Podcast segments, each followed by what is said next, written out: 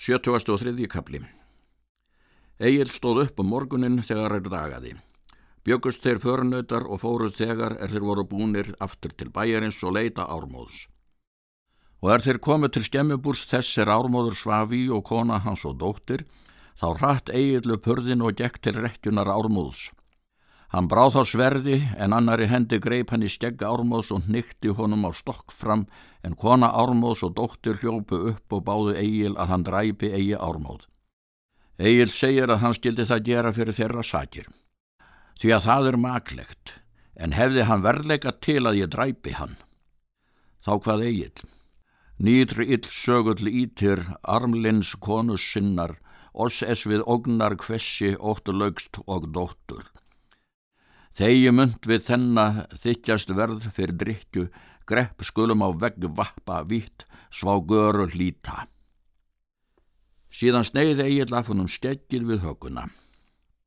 Síðan krækti hann fingrunum í augað svo að úti lág á kinninni. Eftir það gekk Egil á brott og til förunauta sinna. Fara þeir þá leið sína komaða dagverðarmáli til bæjar Þorfins. Hann bjófið Eða skóg. Þeir eigil kröfðu dagverðar og æja hestum sínum.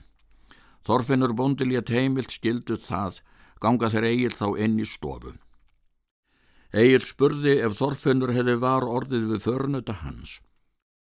Höfðum við hér mælt mót með oss. Þorfinnur segi svo.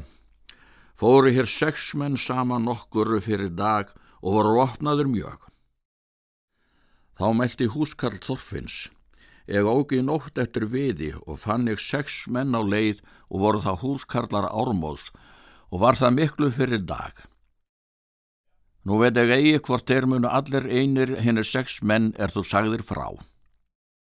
Þorfinnur segir að þeir menn er hann hafi hitt hafðu síðar farið en húskarlinn komið heim með viðar hlassið. Og er þeir eigil sátu og mötuðust þá sá eigil að kona sjúkulá í þverpallinum. Egil spurði Þorfinn hver kona svo væri er þar var svo þunglega haldinn. Þorfinnur segir að hún hétt Helga og var dóttir hans. Hefur hún haft langan vanmátt og það var kröm mikil.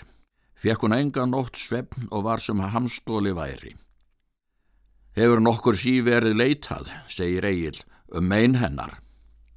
Þorfinnur segir, Reysnar hafa verið rúnir og er sá einn bóndasson hérdan skamt í brott er það gerði og er síðan miklu verð en áður en kantu Egil nokkuð gera að slíkum meinum.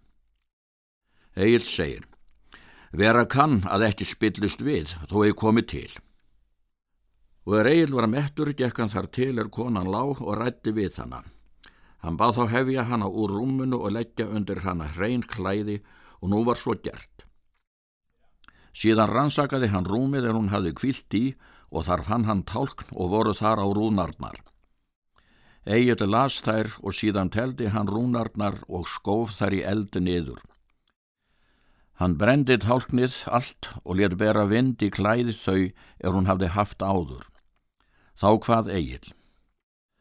Skalad maður rúnar rista nema ráða vel kunni, það verða mörgum manni eðs of myrkvan stafi villisk. Skák á telgdum talkni tíu lausta við risna, það hefur laug linda langs og trega fengit. Egil reisti rúnar og lagði undir hægindið í kvíluna, þar er hún kvildi. Henni þótti sem hún vaknaði úr svefni og sagði að hún var þá heil, en þó var hún mátt lítil en fadir hennar og móður öllu stórum fegin. Bauð Þorfunur að Egil skildi þar hafa allan forbeina þann er hann þóttist þurfa.